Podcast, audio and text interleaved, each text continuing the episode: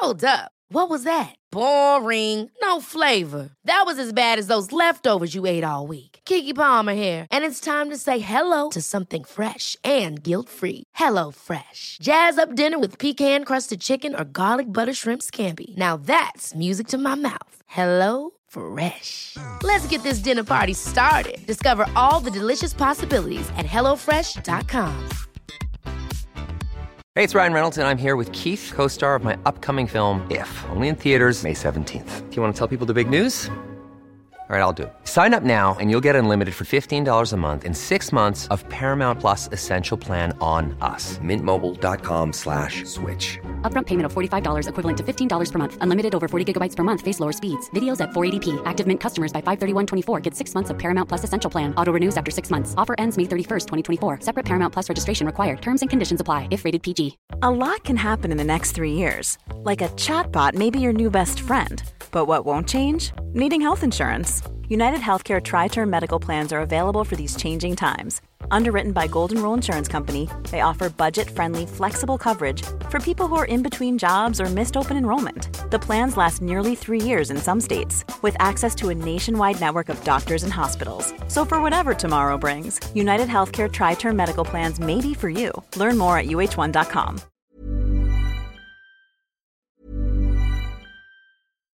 If you're looking for plump lips that last, you need to know about Juvederm lip fillers. With Juvederm Volbella XC and Juvederm Ultra XC, your lip look, whether it's subtle or bold, can last up to one full year with optimal treatment and no additional maintenance. Find a licensed specialist and see if it's right for you at juvederm.com today. That's J U V E D E R M.com. Add fullness to lips in adults over 21 with Juvederm Volbella XC or Juvederm Ultra XC. Do not use if you have severe allergies or a history of severe allergic reactions, or if you're allergic to lidocaine or the proteins used in Juvederm. Tell your doctor if you have a history of scarring or taking medicines that decrease the body's immune response or that can prolong bleeding. Common side effects include injection site redness, swelling, pain, tenderness, firmness, lumps, bumps, bruising, discoloration, or itching. As with all fillers, there's a rare risk of unintentional injection into a blood vessel, which can cause vision abnormalities, blindness, stroke, temporary scabs, or scarring. For full important safety information, visit juvederm.com. This Mother's Day, celebrate the extraordinary women in your life with a heartfelt gift from Blue Nile. Whether it's for your mom, a mother figure, or yourself as a mom, find that perfect piece to express your love and appreciation. Explore Blue Nile's exquisite pearls and mesmerizing gemstones that she's sure to love. Enjoy fast shipping options like guaranteed free shipping and returns. Make this Mother's Day unforgettable with a piece from Blue Nile. Right now, get up to 50% off at BlueNile.com. That's BlueNile.com. Hey, it's Ryan Reynolds, and I'm here with Keith, co star of my upcoming film, If, only in theaters, May 17th. Do you want to tell people the big news? All right, I'll do. Sign up now and you'll get unlimited for $15 a month in six months of Paramount Plus Essential Plan on us. Mintmobile.com slash switch. Upfront payment of $45 equivalent to $15 per month. Unlimited over 40 gigabytes per month. Face lower speeds. Videos at 480p. Active Mint customers by 531.24 get six months of Paramount Plus Essential Plan. Auto renews after six months. Offer ends May 31st, 2024. Separate Paramount Plus registration required. Terms and conditions apply if rated PG.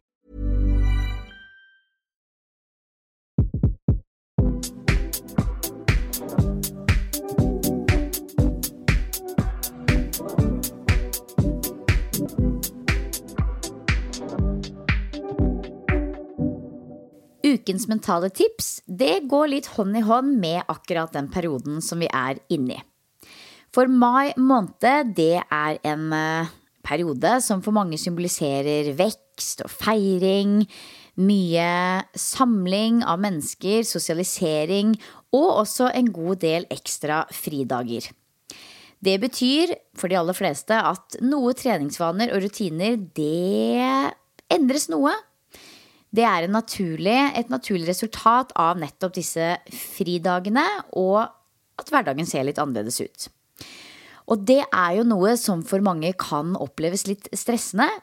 Kanskje man også føler at man egentlig ikke har tid til å kose seg med de fridagene. Og det jeg tenker er at det er fint å istedenfor å sitte og stresse over at ikke alt blir akkurat sånn som det pleier å være, prøv heller å se for deg litt hva er det du ønsker at denne perioden skal være for deg? Hva representerer denne tida for deg? Og på hvilken måte kan du på en måte klare å tillegge best mulig mening av det som er av verdi for deg i den tida som jeg er inne i? Det handler jo om å prøve å ta imot det som kommer med glede. At man kan eh, ja, kjenne litt på glede over å ha noen ekstra fridager. At man kanskje opplever litt ekstra eh, nye, annerledes ting. Um, og at man kanskje er sammen med mennesker mer enn det man kanskje ellers er. Selv om det går litt på bekostning av treningsrutiner og andre ting. Så prøv å kjenne etter. Hva er på en måte viktig for deg? Hva er glede for deg? Handler det om å være sammen med andre? Kanskje være mer i naturen? Kanskje er det å være sammen med en spesiell person eller noen personer som betyr mye for deg? Er det å være kreativ, eller ja Er det kanskje faktisk å prøve å bevare de treningsrutinene som du setter god pris på? Hva skal eventuelt til for å få til det? Hva er det som gir deg energi, motivasjon og påfyll? Og hva er det som får det til å boble litt ekstra på innsiden hos deg? Det er det jeg ønsker å gi deg en liten mental boost med inn i mai måned. Istedenfor å stresse deg opp over at ting ikke er akkurat sånn som det pleier å være. Se heller om det er mulig å switche det over til noe positivt. Fordi den våren som vi går inn i nå, det er en god periode å være i. Se på det som at du våkner opp fra dvalen og du er klar for oppblåstring. Ta imot med åpne armer. Nå er våren her for alvor.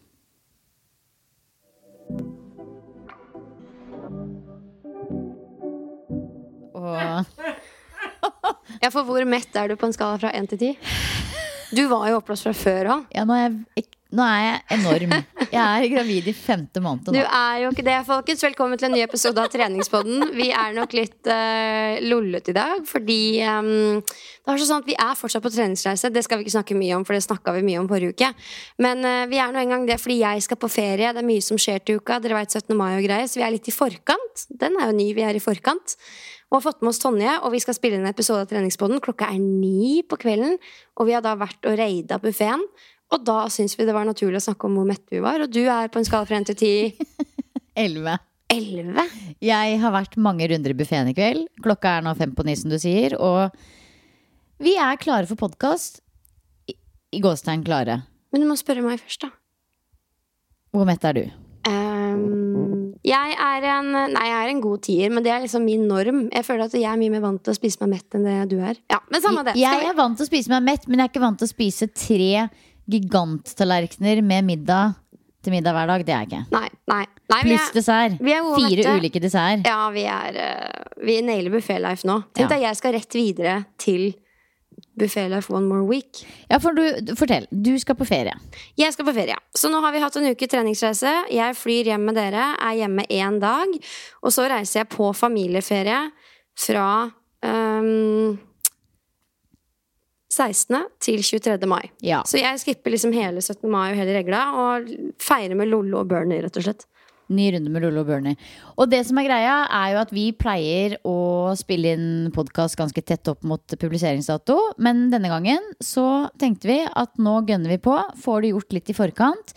Både fordi du skal på ferie, og fordi vi har en veldig hektisk uke foran oss. Og derfor sitter vi her, og vi har i grunn tenkt hele uka vi, at vi hadde lyst til å invitere med oss Tonje, som er vår super Altså, du, du, er på en måte multitalentet vårt på, på, på, denne treningsreisen. Fotograf, instruktør, høyre hånd, humørspreder, og ikke minst en fagperson som vi kan snakke om mye spennende med. Så velkommen til deg, Tonje. Du er ukas gjest. Ja. Wow. og kan jo også skyte inn, altså snakk om multitalent. Du jobber jo også for ShapeUp. Du skriver masse artikler for ShapeUp og tar typ alle bildene deres. Uh, så det passer jo ypperlig at du er med her. Du er jo godt inne i ShapeUp-verdenen. Og this is about time, Tonje Lien Wold. Takk for en fin intro. Uh, jeg vet ikke helt hva du mener jeg er fagperson om. Du, er jo på en måte, du har jo vært i treningsbransjen i veldig mange år. Og det tror jeg det er mange som kanskje ikke tenker over, fordi du er på en måte med litt sånn hovedsakelig som fotograf. Og så er du litt grann eh, gøyal instruktør på sida, men du har jo virkelig jobba i treningsbransjen i mange, mange år. Og du er jo en sånn person som går all in med hud og hår. Du er, du er litt nerd. Da, der tenker jeg vi har fagpersonen. Jeg er 100% nerd. ja, takk. Det var eh, hyggelige ord. Mm. For uh, når, vi, uh, når det kommer til bakgrunn innenfor trening da, Du trener jo helt sjukt mye, og det skal vi komme inn på. Uh, men hva er liksom bakgrunnen din? For bare sånn folk får sånn kort innblikk i who you are innenfor trening. Ok, Så jeg skal ikke begynne med når ikke jeg er født? Ikke si sånn? noe annet. um, jeg har nok vokst opp i en veldig aktiv familie med mye aktiviteter, og har ikke noe sånn spesifikt tidspunkt at oi, da begynte jeg å trene. Det har liksom alltid bare vært en del av det jeg har vært, og det jeg gjør. Eh, og begynte ganske tidlig i ja, tidlig ungdomsår å løpe litt i skogen og få litt den pausen i hodet. Absolutt mest av alt.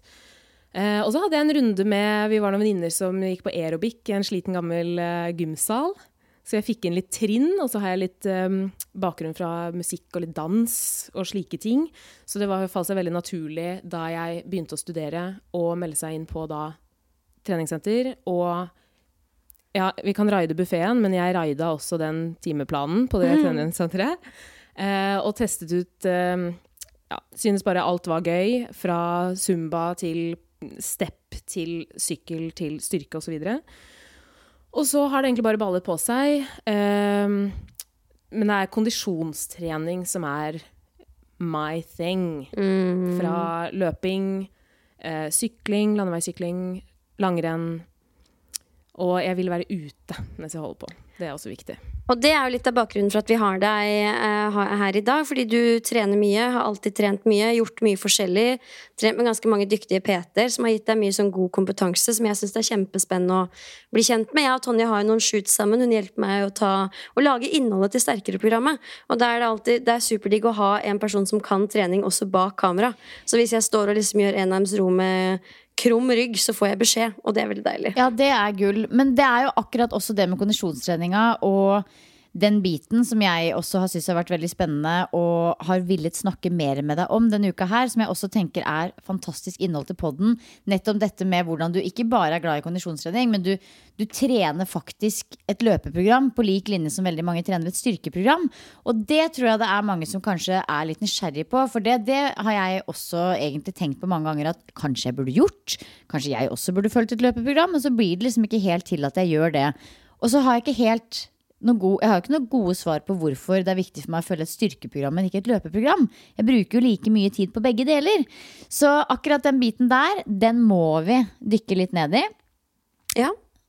Er du nysgjerrig, Pia? Ja, jeg er det. Absolutt. Mm. Jeg, synes, altså, jeg er jo ikke så inn i kondisjonstrening som dere er. I hvert fall ikke som, som, du er, Tonje. Jeg kan jo også En fun fact er jo at Tonje har en jålete Garmin-klokke på den ene hånda og et Whoop-band på den andre hånda. Og det er da to tekniske duppeditter som måler eh, ja, søvnkvalitet, restitusjon, puls, alle disse tingene. Du er jo ja, en nerd sagt med kjærlighet fordi du er interessert i alle disse verdiene, da. Eh, men ok, la oss starte med begynnelsen. Ja.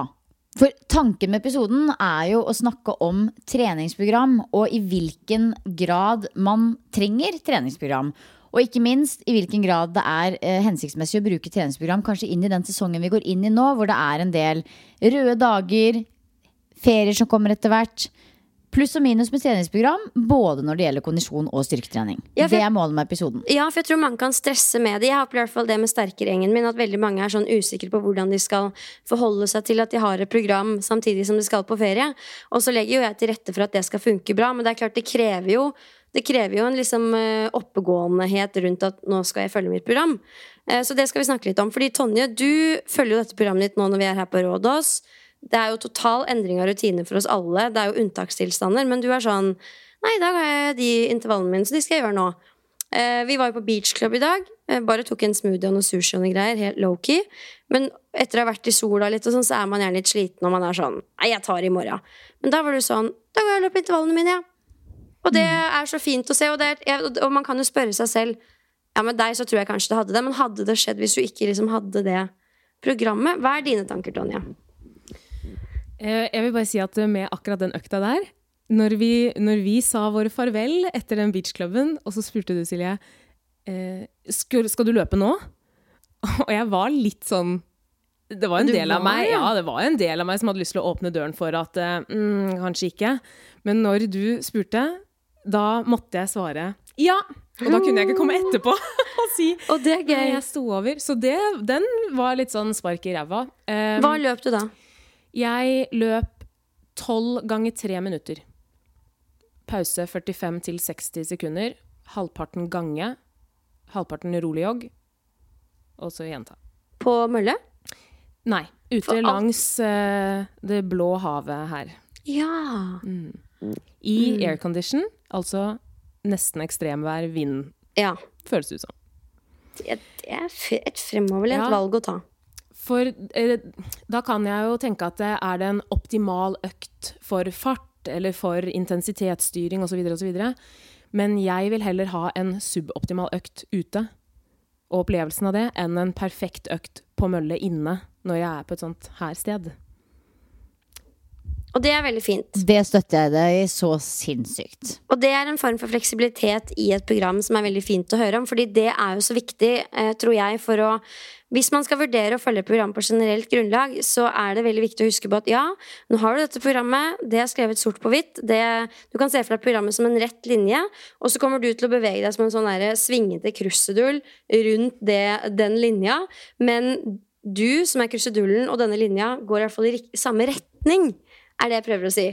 For det blir jo ikke alltid optimalt. Nei, absolutt ikke.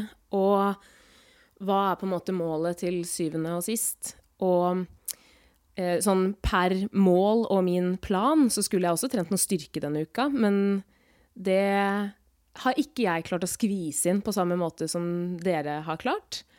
Eh, og også fordi det da ikke er min prioritet. At jeg vil heller nyte den naturen Eller ja, natur er liksom bilvei, da, men, men i hvert fall se på vannet og være ute når jeg først uh, kan.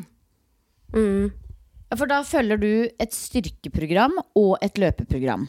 Men så er det da sånn at du på en måte har litt sånn hovedvekt på løpinga. At det er liksom der du prøver å satse mest, på en måte. Og hvordan gjør du det i praksis? Du har en løpecoach som følger deg opp. Fortell litt om det.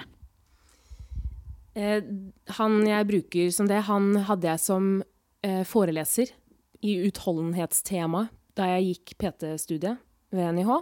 Og jeg, synes, jeg fikk utrolig respekt for måten han jobbet på og snakket om trening. Eh, så jeg har brukt han i to omganger, og dette er nå andre gang. Og han setter opp da alle mine økter, inkludert styrke, Eh, og han har forslag Eller han har et styrkeprogram jeg kan følge eh, til punkt og prikke. Men han har også åpnet opp og vært sånn Du kan følge det som Pia lager, og følge sterkere, fordi det er også kjempegode øvelser for det jeg holder på med. Så det er liksom Ja. Den, det, det, passer inn. Mm. Ja, for er det styrkespesifikke øvelser altså, Eller løpspesifikk styrketrening som er på programmet ditt? Korrekt. Og så er det noe overkropp inni der også, så det er, eh, altså, det er helt, på en måte et helt vanlig styrkeprogram, men det er rettet mot eh, løping og sykling for så vidt. Og da kan det være sånne detaljer som at knebøyene mine trenger ikke å være kjempedype, for det er ikke relevant for løping og sykling. Som det er for en som vil drive med styrkeløft, eller hva vet jeg. Jeg er jo ikke så inne i den verden. Men du er jo, altså, du er jo glad i å flyte med, du er glad i natur, å være ute, gjøre litt det du føler for. Uh, og da er det mange som kanskje kun, kan tenke sånn Hvis man er en hobbytrener, hvorfor skal man ha løpecoach og drive og styre og ordne med de greiene der da? Hva, hva ja. Eh, grunnen til at jeg nå for andre gang bruker han, eh, og at jeg har Whoop-band på den ene hånda, de er begge to eh, knyttet til at jeg vet at jeg kan bli veldig ivrig, og at veldig mange økter. Det begynner tungt, men når du blir varm, så føles det jo bra. Og jeg vet at jeg kan da dra den og tøye den strikken litt vel langt. At jeg syns det var gøy å løpe, så jeg bare løp ti kilometer ekstra bare for moro skyld. Og det som da eh, Innsikten til de detaljene fra Whoop og sånn gir meg, og ikke minst et program, er litt um, et forslag eller data som styrer meg til å holde igjen. Jeg vet at han har kjempekompetanse på det han setter opp til meg. Han vet mine mål på sikt. Uh, og han setter opp et program jeg kan stole på, som gjør at jeg trenger ikke å tenke åh, burde jeg løpt litt til nå? Mm. Og det jeg syns er deilig med å følge programmet, er jo å se nettopp fremgangen som helt åpenbart kommer når du følger et program over tid. Ja, og det er jo 1-0 til å følge program, enten det er styrke eller, eh, eller, kondisjon. Så er det jo det er uunngåelig å se svart på hvitt at det, at det funker fordi du er mye mer hands on i forhold til fremgangen din, da. Mm. Kontra det å bare tenke, kjenne etter hva skal, hva skal jeg finne på i dag. Mm. Og så er det jo, du er jo da i en litt en, Mange kjenner seg nok igjen i deg, men så er det nok kanskje enda flere som kjenner seg igjen i det at man bare skipper økta. Ikke at man legger på ti ekstra kilometer, men at hvor viktig er det egentlig med den økta? Det var litt deilig å være i sola i dag, og det var diggere å sitte og lese en bok liksom på verandaen. Ja, men mange kan nok kjenne seg igjen i det. Og aldri, og, begge deler. Ja, og lure på, som alltid lurer på har jeg gjort nok. Jeg tror jeg legger på tre sett til. Jeg ja, bare gjør litt gjort til. Ja, jeg går hjem fra Jeg går den svære omveien på hjem fra jobb. Altså liksom sånn du har ikke noe begrep om hva som er nok for å få til å skape den fysiske adopsjonen som du ønsker, Ja, da. begge deler er på en måte en utfordring for mange eh, i varierende grad. Og ved å ha et program, så har du et program, og så følger du det. Og så er det selvfølgelig ofte sånn at man må ha et, være litt fleksibel i det programmet, og kanskje man må endre litt på det programmet av ulike grunner, men da har man et program som gir deg en god grunn til å gjøre den økta som står der. Um, Ja, for i hvor stor grad lar du deg stresse Altså sånn Hvis du ikke får gjort programmet en uke, eller i hvor stor grad styrer det topplokket ditt og, og stress og sånne ting hvis du ikke får gjort det? Skjer det at du ikke får gjort det, eller er du helt sånn der Sorry, jeg kan ikke komme i bryllupet ditt, for jeg skal ha utdanning. det Ja, det har jo skjedd, da. Ja, det er klart det. uh, nei, det er nok derfor jeg Første gangen jeg brukte ham uh, og hadde et fullt program og opplegg og alt det her, oppfølging, at jeg rett og slett måtte ta en pause fordi jeg klarte ikke helt å løsrive meg. Fordi jeg, jeg liker struktur, jeg liker liksom at det er ryddig. Jeg vet at jeg skal gjøre den økta der og da, og klarte nok ikke å planlegge rundt planen. At pla, planen er et utkast, og så må du plotte det inn i uka di og gjøre de altså, endringene som trengs for å få det til å funke. Og jeg vil jo 100 si at disse tre ukene jeg har vært eh, på veien på treningsreiser, så har det vært eh, mange endringer. Fordi plutselig har jeg hatt en time som ikke eh, Som krevde mer av meg enn jeg forutså da jeg sa til han at jeg skal være borte sånn og sånn. Så sånne endringer har vært. Det har vært mangel på uh, utstyr sty- hvis jeg skal trene styrke. Jeg har ikke kunnet sykle, som ofte er en, en av de øktene i løpet av uka jeg pleier å ha som kondisjonsøkt. Den muligheten har jeg ikke. Så da har jeg også måttet løpe, eller måttet, men har fått, er vel kanskje heller det jeg føler, fått løpe én økt ekstra i uka. Eh, fordi jeg mangler noen, og det er også relevant inn mot sesongen som kommer, og at jeg har nå eh, i en lengre fase bygget opp for å tåle et større løpevolum, fordi jeg har visst at nå er det den hovedtreningsformen jeg kommer til å få mulighet til å drive med. Mm. Og så eh, blir jeg tilbake til spørsmålet ditt. jeg blir, kan bli stressa, absolutt. Og jeg kan også kjenne på at det er jo digg å sitte i sola. Jeg, altså, det er ikke em, Åpenbart ikke noe annerledes der, men jeg kan ofte kjenne på at um, dette gir meg en mye mer sånn slow and steady kontinuitet. At eh, jeg har hatt mye på programmet å løpe 30-40 minutter. Det er liksom ikke så lenge, og i hvert fall ikke når du syns løping er gøy. Da slutter du egentlig hver økt på 40 minutter og 10 sekunder, og vil egentlig bare ha mer. Men det gjør det også veldig lav Altså det er en lav terskel for å også gjøre den økta, for den varer ikke så lenge. Mm. Og da fører det til at jeg kan heller trene hyppigere. Eh, og ha den gode følelsen og ja. Ja, og vi blir jo så glad i den følelsen av å ha gjort uh, Ja, det er litt sånn flink pike-ting å si, men det er bare så deilig å vite at øh, jeg har gjort det jeg skulle. Jeg gjorde den økta. Det er veldig Ja. sånn tilfredsstillende. Men uh, bare spørsmål til det. Hvis du f.eks. har hatt en gruppetime på disse treningsreisene, og du har måttet endre at du ikke har overskudd til å gjøre den økta som sto på planen, hvordan, hvordan, for, og, hvordan takler du det, da? Jeg har, um, jeg har startet de fleste øktene. Men det har ikke nødvendigvis vært på riktig dag per plan. Så jeg har flyttet om på og sett at ok, der er intervaller, da kan jeg ta det i hvert fall roligere, om ikke fridag dagen etter. Så jeg har jo jeg har stokket om på øktene, men jeg har prøvd å få inn de riktige antall øktene i løpet av en uke.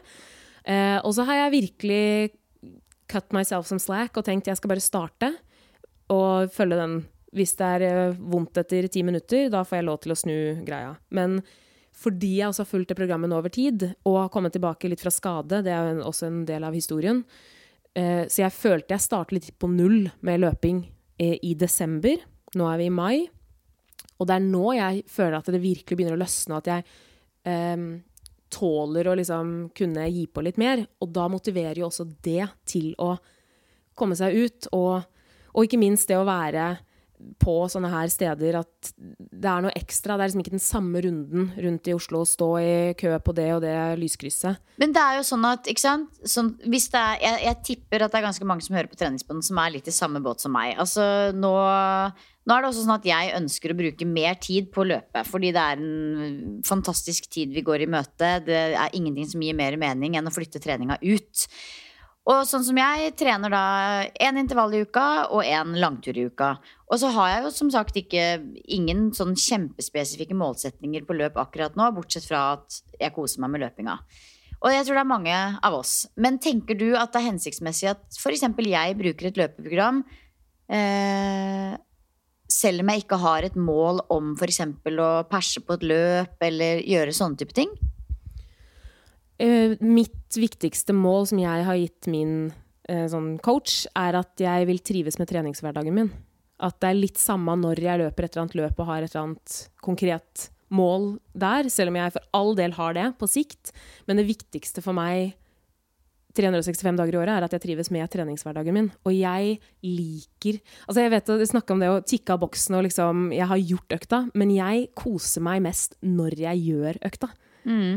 Og det har jo kanskje også litt med at eh, jeg løper ikke de tyngste intervallene. Jeg løper mye terskelintervaller. Det er litt lavere intensitet. Det betyr også at jeg kan trene eh, raskere igjen etterpå, eller altså dagen etter. Og så ja, jeg, er ikke den som nødvendigvis trener hardest. Eh, Men mye mengde.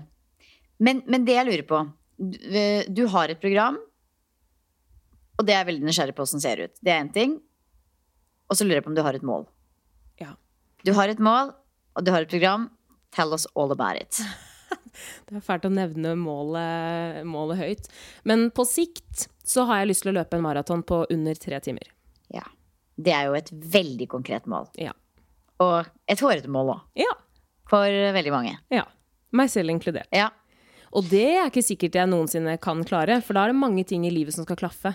Men du har løpt hvor mange maraton nå? Tre. Kan jeg spørre hvilken tid?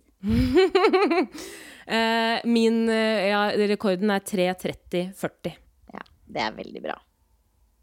Veldig bra. Ja, men det er jo sånn med sånne mål at det er bra idet det skjer, og så to uker etterpå, da er du sulten på mer. For da tenker du bare at åh, hvis jeg fikk til det med den treningen, hva kan jeg oppnå neste gang hvis jeg bare fortsetter med dette?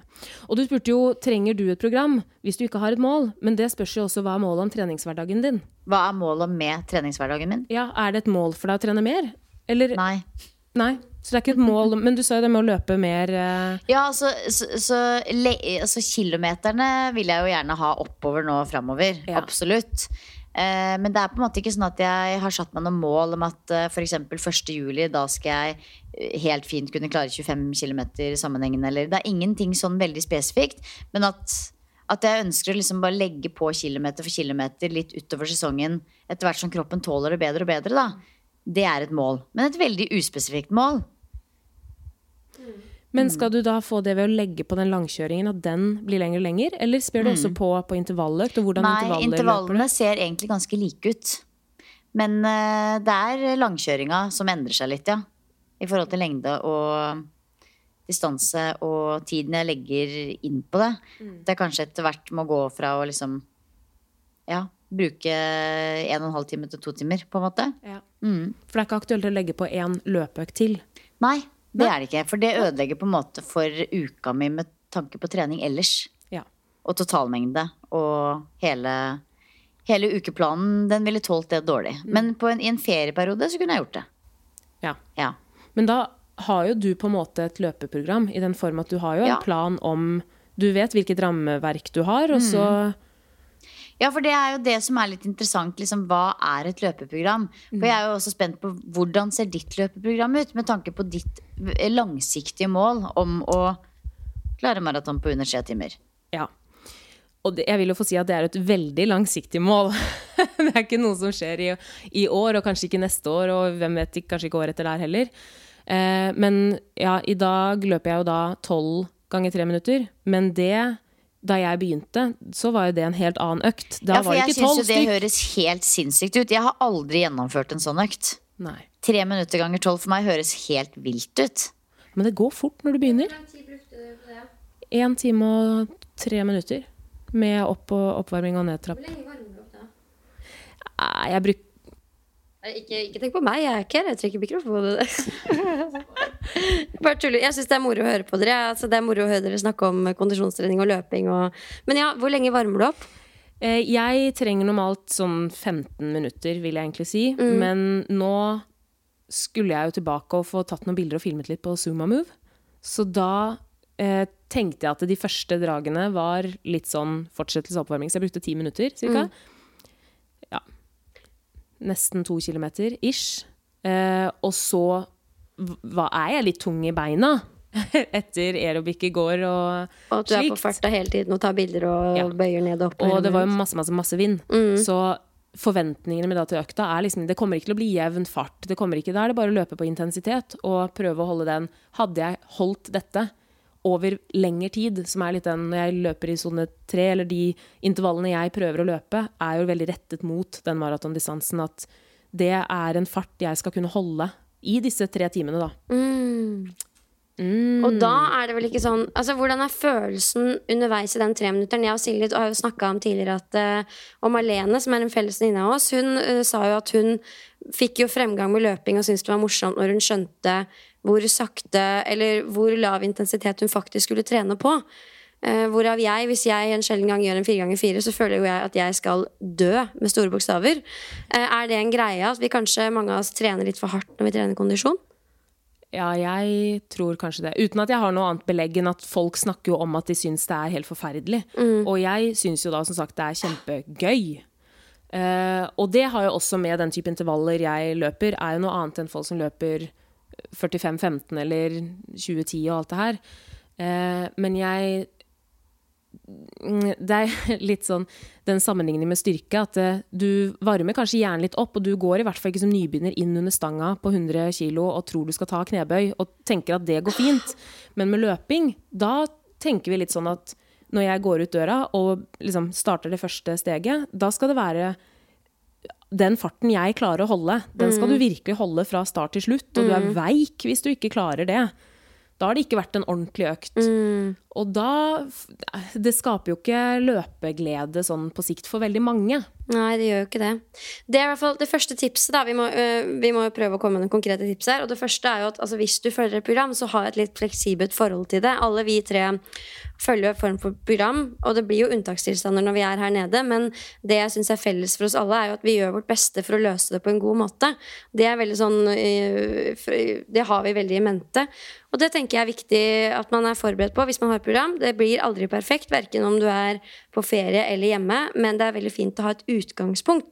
Men så er jo spørsmålet vi skal besvare her, om liksom det å følge programmet man går inn i eh, sommerhalvåret, der det gjerne er mye som skjer, fest og moro, sosiale ting, ferie. Er det hensiktsmessig, eller kan det være mer stressende å ha et program da? Hva, hva dere tror? Hva, eller hva mener dere? Jeg, jeg tenker jo at det kommer an på. Eh, fordi det kommer veldig an på om du er en person som lar deg stresse av at du har et program som du ikke får fulgt opp på den måten som du kanskje skulle gjort. Eller om du klarer å se at ja, men det er jo ikke så rart at jeg ikke får til, fordi den tida vi er inne i nå, den er veldig spesiell, og da blir treninga også deretter. Eh, og jeg tenker hvis du er den førstnevnte som stresser deg veldig opp av at du ikke klarer å tikke av de boksene som du helst skulle gjort, kanskje det er sunt og lurt å legge programmet vekk i en periode der hvor hverdagen krever sitt, og livet er annerledes.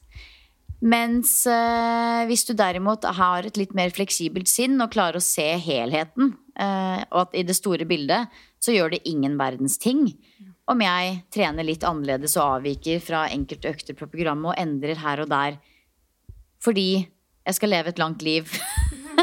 og det er ikke så farlig om disse tre ukene blir litt annerledes.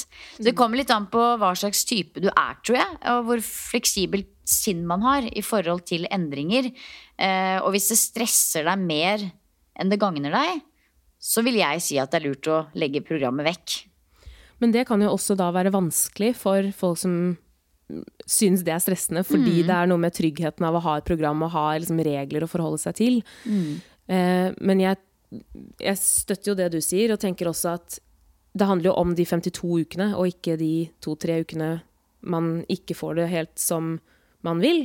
Og litt tilbake til det du sa, Pia, at vi alle har gjort vårt beste her nede, men vi har også prioritert ganske annerledes. Fordi vi har prioritert etter hva som er våre mål, og hva som er viktigst for oss. Så der det er helt åpenbart at du vil inn og trene styrke, så har jo jeg nedprioritert det ganske godt og hardt. Fordi det føles ikke Altså, det kan jeg gjøre neste uke. Det er jo den følelsen jeg går med. Eh, Så det har jo ikke vært optimalt. Jeg har ikke gjort alt jeg skal på den planen. Men jeg har fått inn eh, egentlig all løpingen jeg skal, og kanskje litt mer.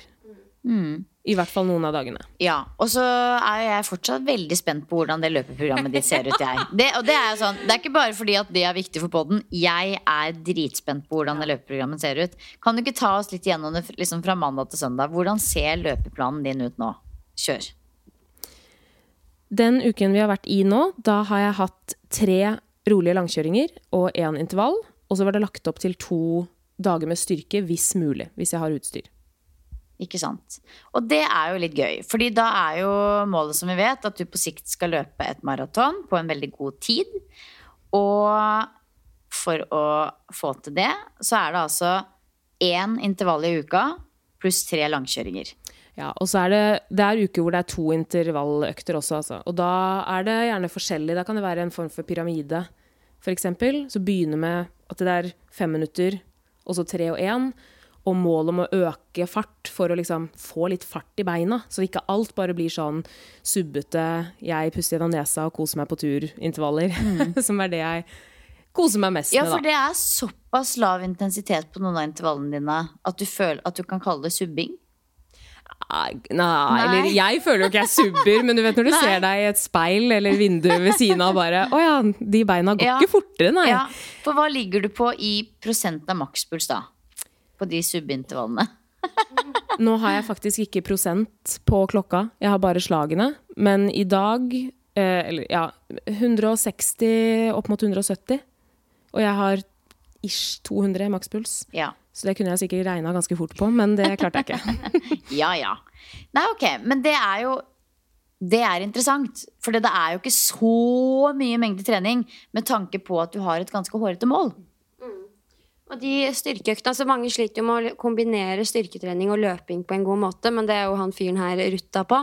Eh, for Føler du at uh, tunge bein fra styrken kan påvirke løpinga di, f.eks.? Ja, men jeg har faktisk ofte intervall og styrke på samme dag.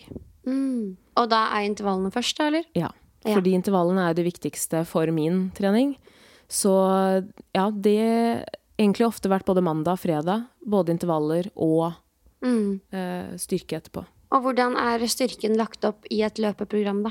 Ish. Altså, Du skal ikke gå i detalj, men sånn Det er, eh, det er ofte satt opp supersett eh, med liksom en sånn stor Altså det kan være kneløft eh, Kneløft.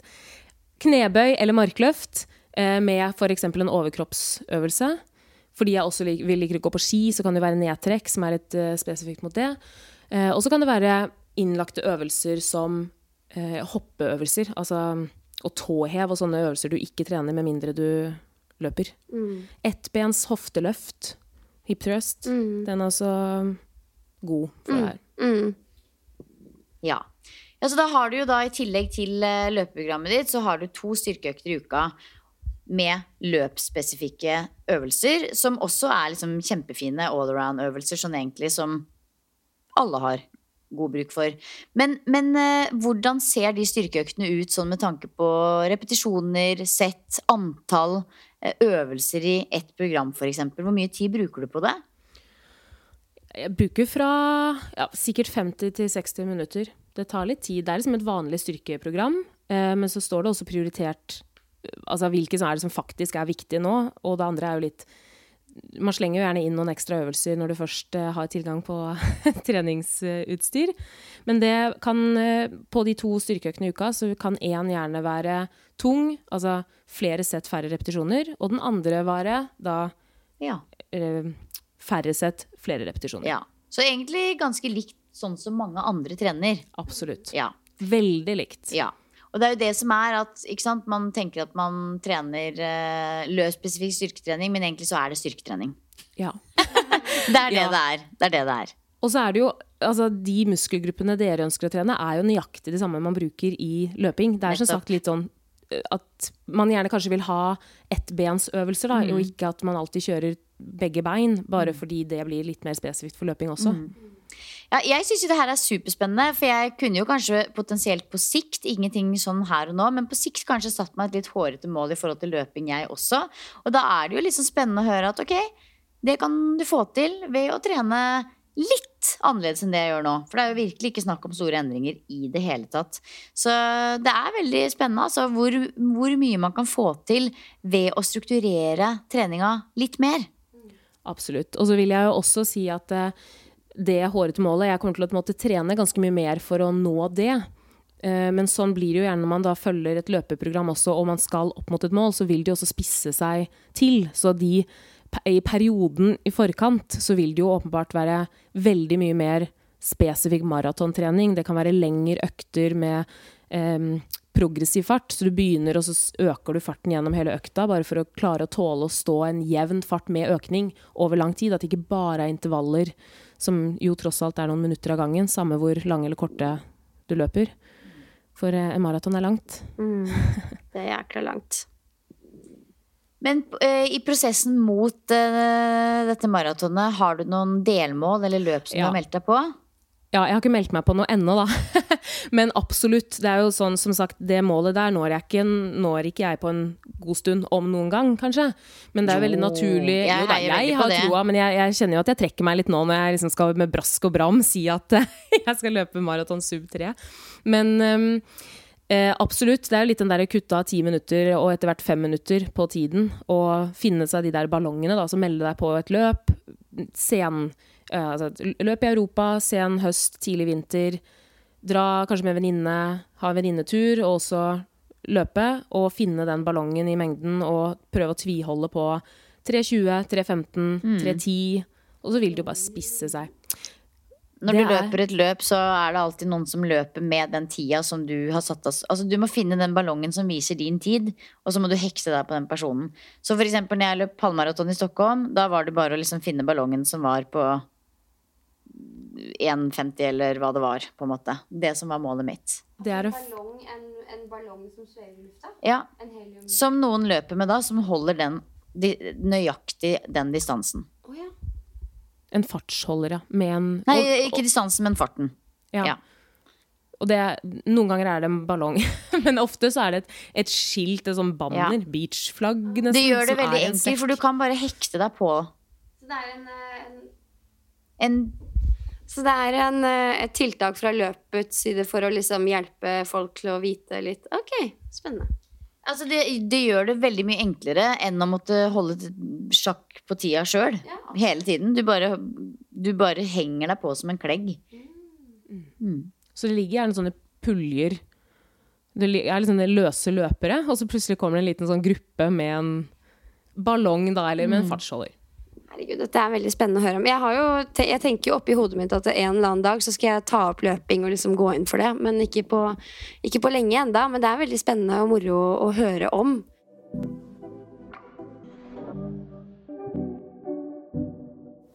Men eh, jeg har et spørsmål. Jeg bruker Silje og hennes løpetrening som eh, eksempel, fordi min er eh, ikke eksisterende akkurat nå. For du, Silje, sånn som jeg har forstått det, løper én langkjøring i uka og én fire ganger fire.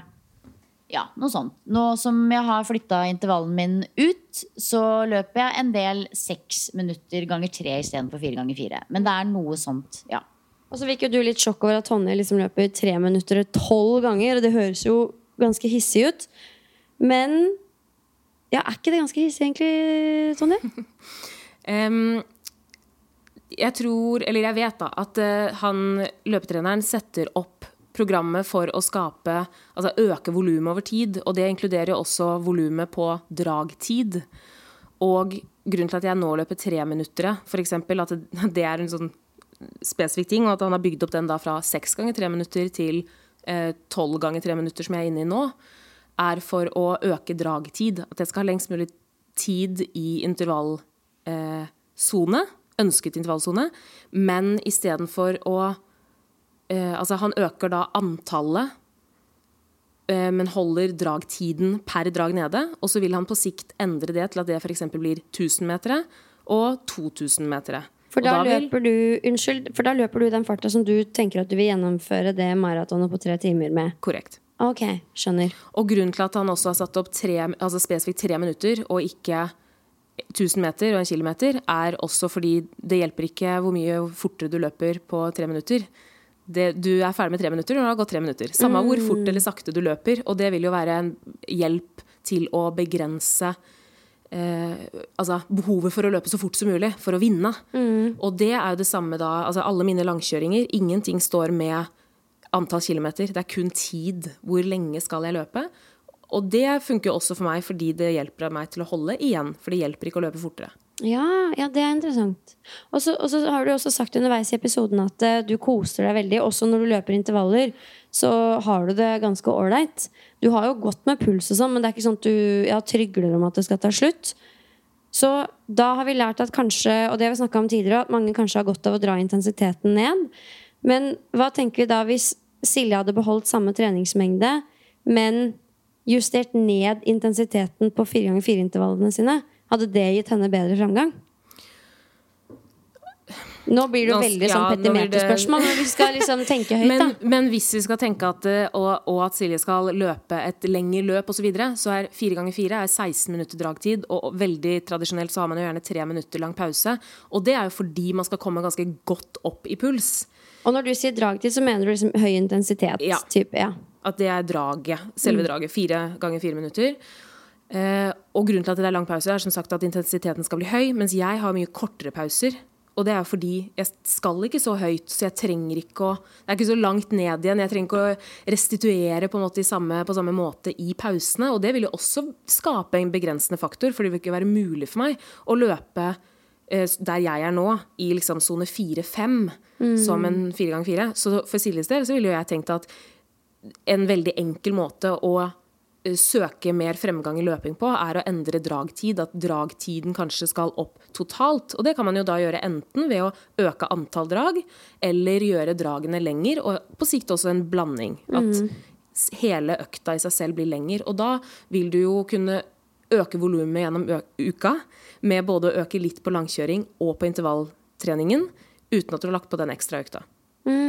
Og når det går gradvis, så vil jo kroppen også selvfølgelig tilvenne seg den mengden, og du vil kanskje måtte gjøre andre justeringer, sånn som f.eks. nå inn mot sommerhalvåret, at da vil det være naturlig at andre økter ikke prioriteres eh, like lenge, like mye osv., og, og så vil det være rom for å tåle mer løping. Og hvis målet til Silje var å løpe raskere, altså få mer fart i beina, så hadde intervallene blitt lagt opp deretter at eh, de kanskje holdt seg på samme varighet, men at du skulle øke i fart. Ja. Ja. Men ja, men det vil jo også naturlig på en måte skje dersom man Eller da ville jeg kanskje ikke holdt samme dragtid. Da ville jeg heller kjørt f.eks. en pyramideintervall, eller en prog, at det er noe med progressivt. At du skal klare å løpe fortere. Og kanskje legge på på slutten av en langkjøring noen stigningsdrag. Eh, bare for å kjenne på at på slutten av når du har løpt i 10-12-15, kanskje på til slutt 20 km, så klarer du fortsatt å liksom legge på en liten spurt. Og da er det ikke snakk om at du skal ligge og spurte, men da er det bare at du øker farten, eh, akselererer jevnt til en form for utvalgt toppfart, og så roer ned, og så kjører et par sånne. Kan også hjelpe på å få opp litt liksom, fart i beina. Trenger litt fart i beina. Ja, jeg òg. Det er som jeg sa, jeg skal ut og løpe tidlig tidlig i morgen. Tonje skal kanskje henge seg på. Jeg må bare si jeg skal ut og løpe langt, men jeg skal løpe veldig sakte. Men det er jo praktisk med å være to, fordi Ja. at da Du kan gjøre ditt, og jeg kan gjøre mitt, men da har vi en naturlig brems. Og i hvert fall nå som vi friskt har i minne at ingen skal vinne den økta. Så det hjelper ikke å ligge foran og være sånn Hvor hvor blir det av deg? Vi skal kose oss. Vi skal kose oss. Kose oss på langtur. Og få med oss ting som skjer rundt. ikke minst. sightseeing på løpetur. Elsker det. Um, og hvis vi skal begynne å rappe det litt opp da, og, og svare på innledende spørsmål, dette her med å ha program inn i, inn i sommerperioden Jeg føler jo at jeg vet svaret ditt, Tonje. Hva tenker du? Hvordan kommer du til å legge opp treninga i sommerhalvåret nå framover? Eh, Jeg kommer til å utnytte dager det er fint vær. Og at eh, jeg kommer til å flytte på planen etter når det er sol og når det er muligheter for gode opplevelser ute. Jeg har lyst til å bygge volum, sånn at jeg kan dra ut i skogen når det da er fri, eh, og være ute over lengre tid. Så da kan også volumet gå litt opp, også fordi jeg kan hvile mer. Men programmet må tilpasses planene også. Men jeg er veldig glad i å ja, Eller som du sa også innledningsvis, at det er jo økter jeg kunne hoppet over hvis det ikke hadde stått på programmet. Så jeg syns det er godt med det rammeverket, men har blitt flinkere til å tilpasse. Ja. Jeg syns også det er veldig godt med et rammeverk, men jeg tror det er liksom neste element. At det er utrolig viktig at man forholder seg til en person som forstår deg, hvor du er liksom mentalt, men også fysisk. Hvor i verden er du? Hvilke muligheter har du? Eh, og det er vel der fagpersonen kommer inn og ser liksom på de, okay, de mulighetene du har. Eh, hvordan er miljøet rundt deg, og hvordan kan du få det til å funke best mulig, sånn at det stemmer overens med den retningen du ønsker at treninga skal ta deg i. Eh, og det trenger jo ikke å være nødvendigvis være så vanskelig. Altså, du kan trene styrke på veldig mange ulike måter. Kanskje er det til og med bra for deg og kroppen din at du trener styrke på litt andre måter noen uker. Um, så jeg er jo, det kommer kanskje ikke noe, som noe sjokk, at jeg syns jo at uh, et program kan være en kjempemotiverende faktor som hjelper deg til å holde i gang treninga, og dermed også godfølelsen. Fordi det er, det er ingen som dauer at du ikke trener på noen uker, men hvis det på en måte blir til eh, to til tre sommermåneder der du egentlig endte opp med å legge treninga litt på hylla fordi du tenkte at du skulle flekse det litt mer, så er jo det litt trist, og det er jo ikke noe god følelse, det. Når du heller da kan få et program til å funke for deg, flekse, skjønne at ikke alt må være perfekt, og, og bruke også den tiden til å ha fremgang. Da. Og som du sier, man får kanskje hvilt mer, spist mer, sovet mer. Sovet mer. Eh, og fremgang med trening er jo moro. Eh, det er treningsglede, og vi skal ha det gøy på trening, men det er jo også digg å se at oi, det slitet der, det it pays off, liksom. Hva, hva med deg, Silje? Nei, jeg er helt enig med deg. Og jeg tenker jo at eh, sånn som jeg har lagt opp uh, f.eks. sommermånedene eller perioder hvor ting ser annerledes ut, så er det på en måte at jeg lager det som en periodisering der hvor det er mindre fokus på det og mer fokus på det. Så det er på en måte en planlagt endring. Eh, og det er vel kanskje det det handler litt om at eh, jeg tror for de aller, aller fleste så vil det være en helt naturlig variasjon i treninga når livet byr på variasjon. Eh, men da er jo det med en bedre følelse når det er en planlagt endring som man legger inn som en periodisering. Enten om det er kondisjonstrening eller styrketrening, enn at det bare skjer fordi det glapp. For da er det litt som du sier, den der sitte tre måneder etterpå, så har du egentlig lagt treninga på hylla. Det er, det er en kjip følelse. Og det er så Det trenger ikke å skje. Det er veldig sånn unødvendig at det skjer.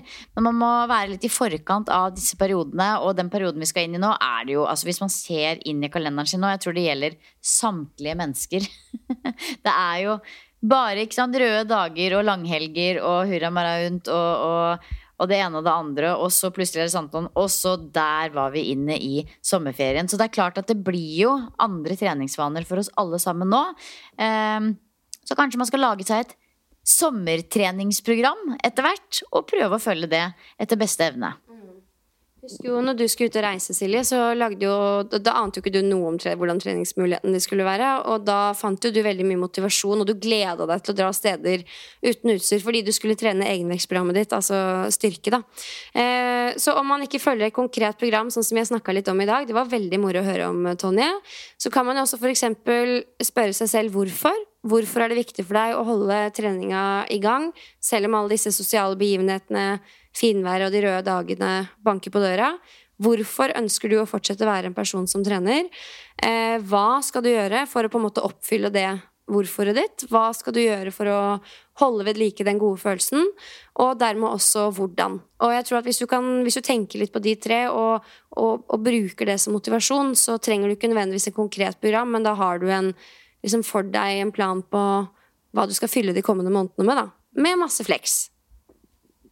Absolutt. Og jeg er bare, jeg syns det har vært så gøy å høre enda mer om treninga di, Sonje. Fordi nå har vi jo vært sammen her på Rodos en uke, og det er jo som Pia sier, du trener mye.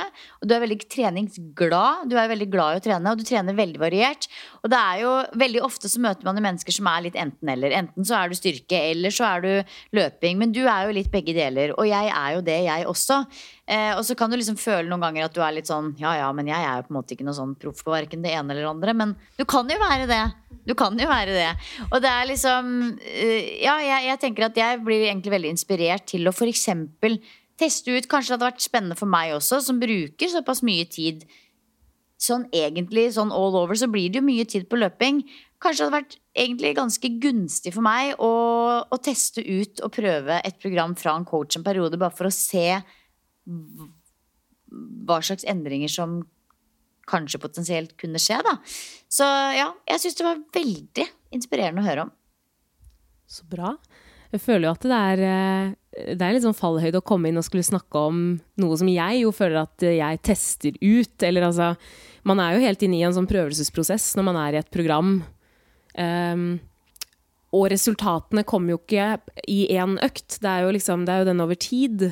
Så man føler seg jo alltid som litt sånn uh, ikke-ekspert, fordi man hele tiden utvikler seg. Og det er akkurat det som jeg syns er så fint med egentlig å snakke om det vi gjør nå også, fordi du er, en, du er en testperson, og det er alle andre også. Altså, vi er jo bare testpersoner. det er jo det vi holder på med. Og det er så veldig fint også det du sier om eh, når folk skal begynne å trene styrke, så går de ikke inn og bare setter 100 kg på stanga og setter seg ned og håper på det beste.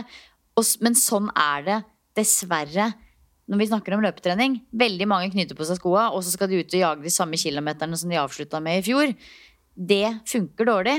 Så det er, liksom, det er bare noe med å liksom starte, starte, et sted, og så ta det gradvis. Og eh, også veldig fint det du sier om at liksom du løper terskelintervaller der hvor du selv føler at du subber. på en måte. Altså sånn, det må ikke være å jage etter blodsmak bare fordi det heter kondisjonstrening og løpetrening.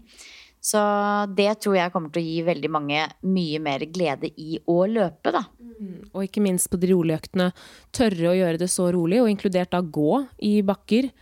Eh, sånn at du slutter økta med å tenke litt sånn Var det det? Mm. Og at, det ikke, at, du ikke en hel økt skal bare glede deg til å bli ferdig. For da er det ikke rolig nok. Det gjelder jo styrke også. Ja, og det kan jeg også bare si når det gjelder dette med å løpe rolig. Jeg elsker jo det. Og dere som skal på ferie et eller annet sted i Norge, i, i Norge eller i utlandet, eller hva dere må, måtte, skulle gjøre i sommer Det å begynne å øve på å løpe og jogge nå, sånn at dere er rusta nok til å kunne dra på sightseeing løpende, det er noe av det beste som fins. Det, det, er når jeg reiser til et nytt sted, uansett om det er Norge i utlandet, det er det første jeg gjør. Snøre på meg joggeskoa, ut og oppdage området løpende. Og det er så deilig å kunne ha nok eh, kondisjon og løpetrening til å kunne tåle det. For det er, veldig fint, eh, det er veldig fint å krydre ferien sin med. Jeg er helt enig. Det er, det, det, det er, mitt mål med løping, Silje. Alltid kunne være med på en løpetur uten å føle at jeg dør. Og kunne dra på en løpetur på si 30-40 minutter og liksom synes at det er ålreit. Så sånn sett har jeg kanskje blitt mye flinkere til å ta det rolig med løpinga de få gangene jeg løper. Nå er det lenge siden, for jeg gjør mye annet. Men uh, jeg jo, får jo lyst til å løpe mer når jeg hører på sånne som dere. Men da må jeg minne meg selv på hva er mitt mål akkurat nå, og så holder jeg meg litt til det. Men uh, det blir litt uh, løping i skog og mark nå framover også. Men mer av den varianten sånn gå, gåtur med litt løping her og der. Og da går det tilbake til det med det hjelper ikke å vinne økta. Det er ikke noe mål i å vinne økta eller oppvarming. Det er mm -mm du skal vinne treningsåret. Mm. Ja, og eventuelle større mål. Og husk liksom hva du trener for, og hva du bruker tid på. Så er det helt naturlig å ikke være god i alt liksom, hele tiden. Det er viktig. Herregud, takk for at du kom, Tonje. Dette var, det, det, det var virkelig kjempeinteressant å bare høre om treningshverdagen din. Det burde vi gjøre mer, egentlig. Takk for at jeg får komme. Det er jo en ære. Ja. Dette hadde jeg aldri trodd at skulle skje. Nei, gud, ja, det, det var jo It's been a long time coming. Og mange av dere som er, på, eller som er inne i shapeup-sfæren, blant annet, har jo sikkert sett Tonje og kommer blant annet til å møte henne på Shapeup Weekend. Eh, så um, ja, da får dere glede av å møte denne fantastiske dama. Takk for at du joina podden. Silje, takk til oss. Nå.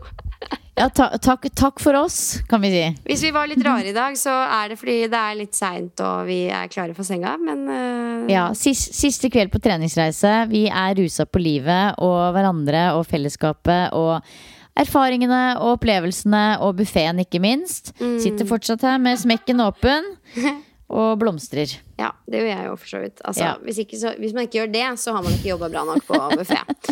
Takk for at dere hørte på, folkens. Vi setter skikkelig stor pris på dere og gleder oss allerede til neste uke med pod. Ja, ha en strålende uke. Ha det!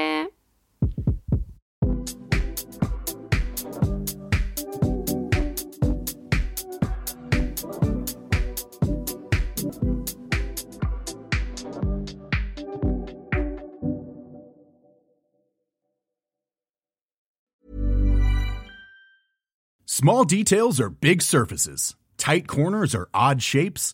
Flat, rounded, textured, or tall. Whatever your next project, there's a spray paint pattern that's just right. Because Rust new Custom Spray 5 in 1 gives you control with five different spray patterns. So you can tackle nooks, crannies, edges, and curves without worrying about drips, runs, uneven coverage, or anything else. Custom Spray 5 in 1. Only from Rust Planning for your next trip? Elevate your travel style with Quince. Quince has all the jet setting essentials you'll want for your next getaway, like European linen, premium luggage options, buttery soft Italian leather bags, and so much more. And is all priced at 50 to 80% less than similar brands. Plus, Quince only works with factories that use safe and ethical manufacturing practices. Pack your bags with high-quality essentials you'll be wearing for vacations to come with Quince. Go to quince.com slash pack for free shipping and 365-day returns. Mom deserves the best, and there's no better place to shop for Mother's Day than Whole Foods Market. They're your destination for unbeatable savings, from premium gifts to show-stopping flowers and irresistible desserts. Start by saving 33% with Prime on all body care and candles. Then get a 15-stem bunch of tulips for just $9.99 each with Prime. Round out Mom's menu with festive rosé, irresistible berry chantilly cake, and more special treats. Come celebrate Mother's Day at Whole Foods Market. This message comes from BOF sponsor eBay. You'll know real when you get it. It'll say eBay Authenticity Guarantee. And you'll feel it. Maybe it's a head turning handbag, a watch that says it all, jewelry that makes you look like the gem, or sneakers and streetwear so fresh every step feels fly. eBay gets it. So look for the blue check mark next to that thing you love and be confident that every inch, stitch, sole, and logo is checked by experts. With eBay Authenticity Guarantee, you can trust that feeling of real is always in reach. Ensure your next purchase is the real deal. Visit eBay.com for terms.